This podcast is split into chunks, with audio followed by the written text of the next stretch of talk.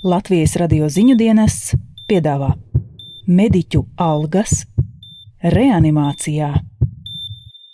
Labdien! Šodien ar patiesu prieku un gandarījumu, un jāsaka arī ar lepnumu, sabiedrības plašākai vērtēšanai nododām ļoti nozīmīgu pusgada veikumu. Proti, tādā domnīcu formā 30 ļoti motivēti un zinoši, galvenais veselības nozares pārstāvji, ir ļoti intensīvi strādājuši pie tā, ko nebaidos lietot vārdu, varētu saukt par mediķu atalgojumu reformu. Kopš šī pērnā gada 29. jūlija, kad tika prezentēta mediķu algu reforma, ļoti daudz kas mainījies. Amatā stājies jauns veselības ministrs un Covid pandēmija atgriezusies ar jaunu, daudz spēcīgāku vilni.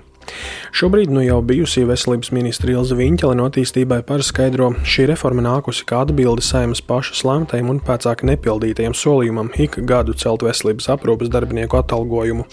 Tas vēl 2019. gadā mediķiem lika doties ielās. Šobrīd mediķiem ir līdzīgas sajūtas.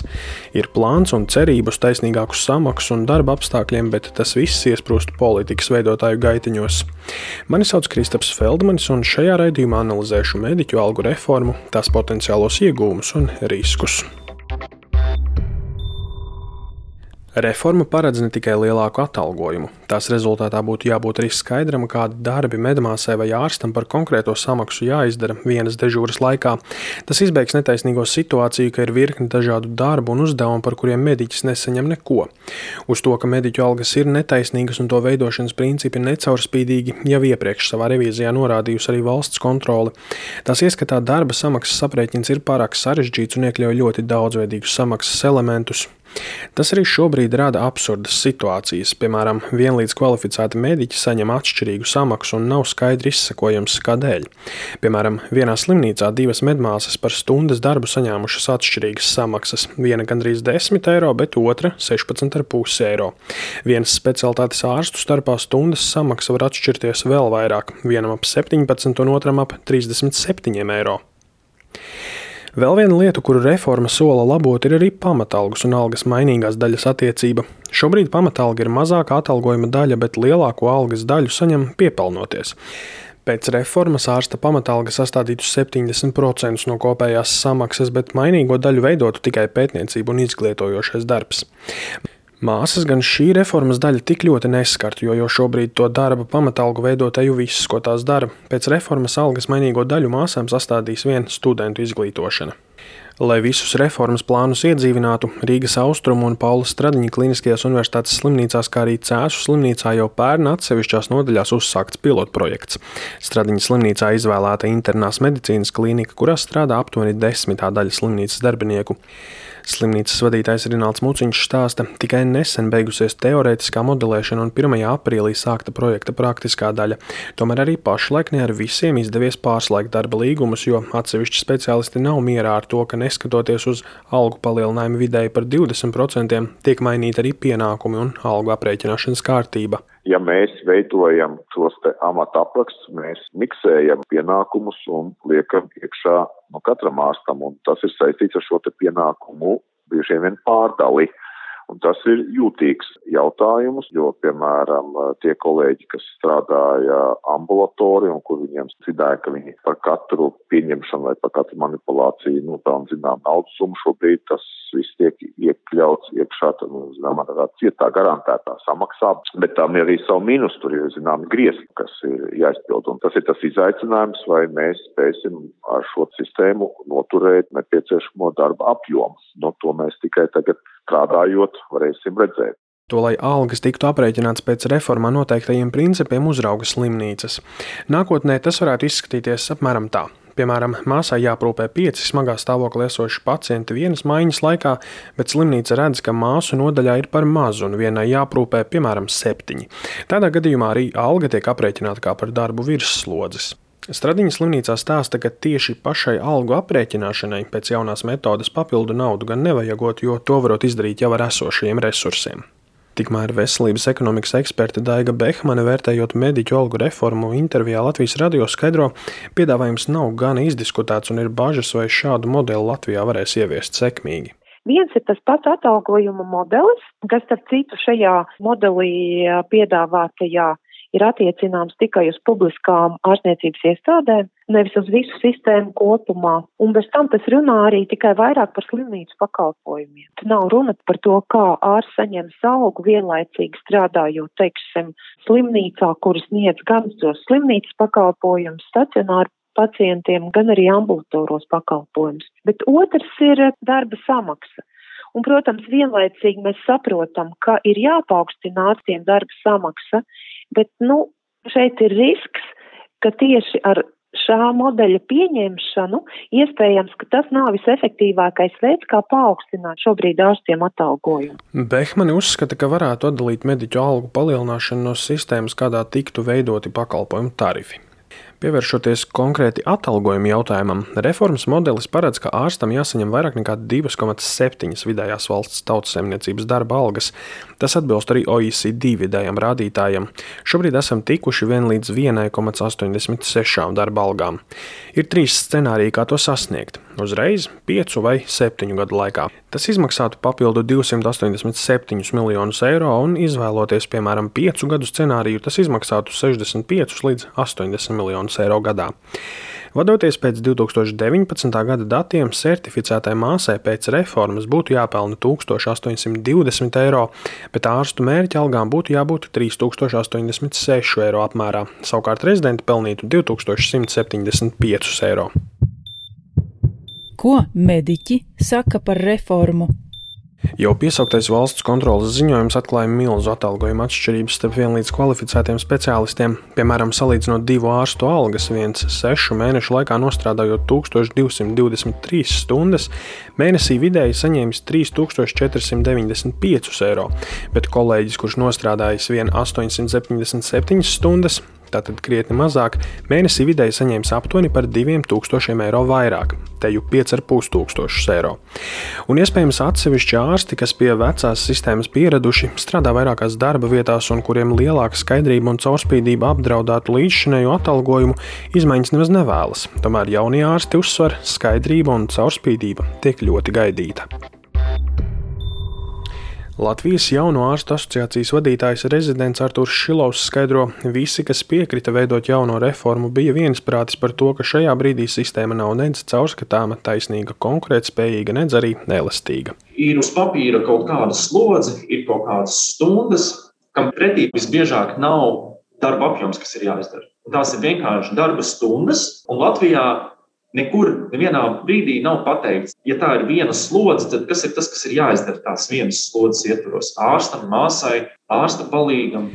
Šilovs gan atzīst, šī reforma nerisina visas 20 gadu laikā ielaistās problēmas. Tā risina slimnīcās un stacionāros strādājošo mediķu atalgojumu un slodzes jautājumus, taču nemaz nesot iespējams ar vienu reformu tā ņemt un uzreiz atrisināt visas problēmas. Šī reforma pasaka prasību gan reģionālajām slimnīcām, gan Rīgas lielajām slimnīcām, sākt plānot atbilstoši tiem principiem, kas tika izstrādāti. Lai būtu visiem skaidrs pēc būtības, mēs sākam uzskaitīt darbu. Tas varbūt absurdi izklausās cilvēkam no malas, ka, kā, kāds ir iespējams, ka veselības aprūpē neuzskaita darbu, jo jūs nezināt, cik daudz tad ir jāizdara. Diemžēl tā ir tāda sistēma, kas izveidojās šajos visos apstākļos. Šī reforma paredz to, ka darbs tiek uzskaitīts, tiek pateikts, kas tad ir tā viena slodze, Tas, protams, ir atkarīgs no specialitātes, no, no vai tā ir māsa vai tas ir ārsts. Tas galvenais mērķis ir definēt, cik ko un kas dara, un eh, kāds tam nepieciešams cilvēku apjoms. Šilovs konkrētus riskus šajā reformā nesaskata, tajā pašā laikā viņš neizslēdz, ka iespējams atklāsies kādi nelieli trūkumi, kurus varēs labot nākotnē. Tomēr to, ka reforma neaptver visu nozari par risku, gan nesauc, jo tas jau ir zināms. Galvenais pie šīs reformas neapstāties un meklēt risinājumus arī citu nozares problēmu sakārtošanai. Zinu, kā ir alga viena problēmas neatrisina. Latvijas māsu asociācijas viceprezidente Ilze Ortveina skaidro, ir fundamentāli jāmaina kārtība un jāuzlabo darba vidas apstākļi. Māsām tāpat kā citiem veselības aprūpas darbiniekiem ir jāsaņem atbilstoša samaksa par konkrētu darbu.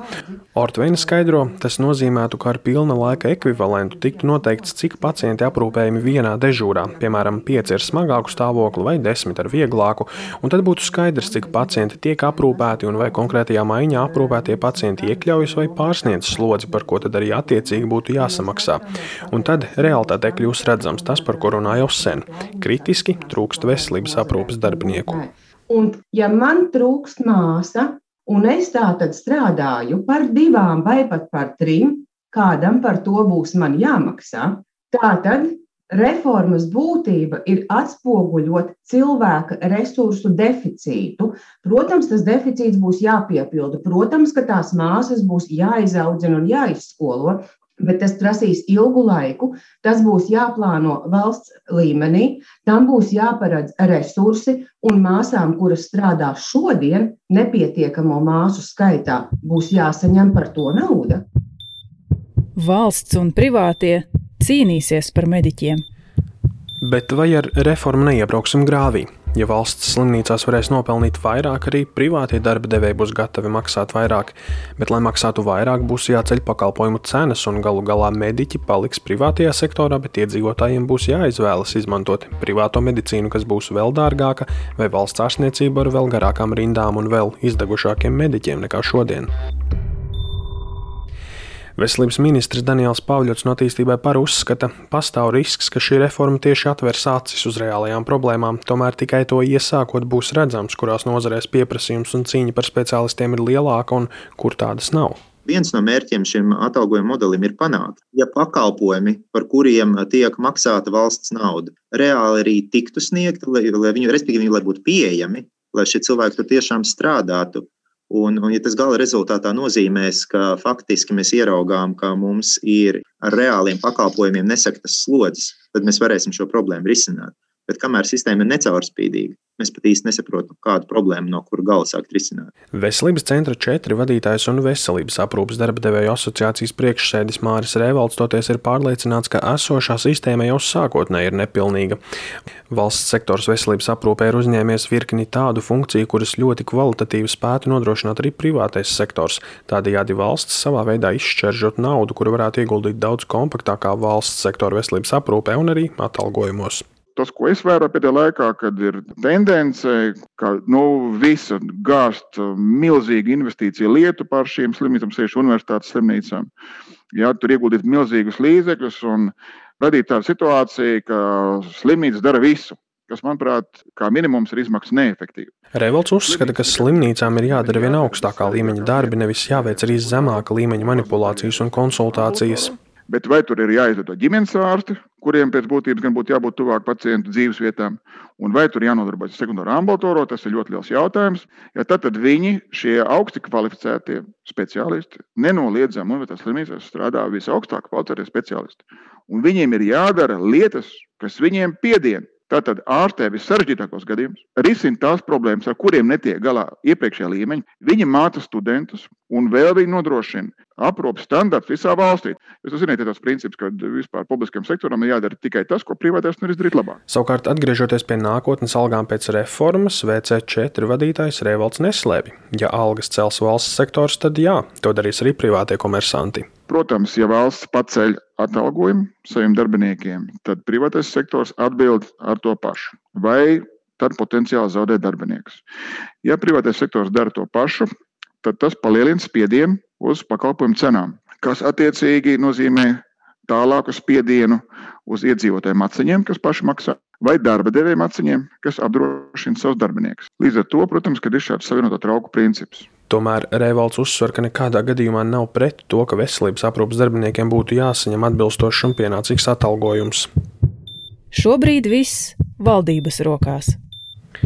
Kopš gada sākuma reformas plāns īsti nav pakustējies. Kā Viņķelis, tā arī Pavļuta laikā tas valdībā netiek pieņemts, baida nepieciešamais papildu finansējums. Veselības ministrs Daniels Pavļs no attīstībai par ir pārliecināts, ka reforma būtu kā atzinības apliecinājums par mediķu veikumu, bet tikai tad, ja izdosies pārliecināt kolēģus valdībā. Es jau neprasu no ministra prezidenta vai finanšu ministra neiespējamo, lai viņš šodien apsola tieši cik un cik gadu laikā mediķiem būs. Es vēlos redzēt gatavību valdībā izlēmt jautājumu, ka vispār tas ir nepieciešams, ka šis info ziņojums ir labi sagatavots un tāds tas, manuprāt, ir un man ir grūti piekrist eh, priekšlikumam, izņemiet ārā no informatīvā ziņojuma visus ciparus un varam skatīt. Atlikt teiksim, šo diskusiju vēl uz trīs mēnešiem līdz budžetam, nu, droši vien var novilkt garumā un to tā atstāt. Bet es uzskatītu par vēlamu šobrīd atzīt, ka nozare ir izdarījusi labu darbu, sagatavojusi pamatotu dokumentu, kuru mēs, protams, varēsim izpildīt tik lielā mērā, cik būs pieejami papildu finanšu līdzekļi, un kādu par to varēs panākt politisku vienošanos. Pats galvenais, ka mediķi reformas izveidē ir piedalījušies paši. Domnīcās veidojot perfektu algu modeli un darba organizāciju, kādā labprāt strādātu. Tas viss gan strākst valdībā, jo grūti izskaidrot, ka mediķu algu reformu bez papildu finansējuma nav iespējams veikt. Bet mediķi ir pacietīgi, un māsu asociācijas vadītājs vietniece Ilze Ortveina saka, vienreiz uz ielas gājām, vajadzēs, mēs iesim vēl. Latvijas radio ziņu dienests piedāvā mediķu algas reanimācijā. Šobrīd notiek smiešanās par mediķiem, uzskata Ortvēna, jo reforma tika prasīta, lai varētu saņemt finansējumu. Reforma gatava, bet naudu dot neviens nesot gatavs. Gaidīšot līdz vasarai, kad tiks lemti galvenie jautājumi par nākamā gada budžetu, un ja tuvā gaisma tuneļa galā pēkšņi izdzisīs, tad mediķi atkal esot gatavi pierādīt to, ko jau reiz 2019. gadā pierādīja, ka spēja apvienoties skaļi un skaidri iebilst pret to, ka šī nozare tā arī nekad pa īstam no valsts nav tikusi novērtēta. Šo redzējumu veidoju es, Kristaps Feldmanis un producente Aiga Pelēna, bet par labskaņu rūpējās Justīna Savicka un Kaspars Groskops.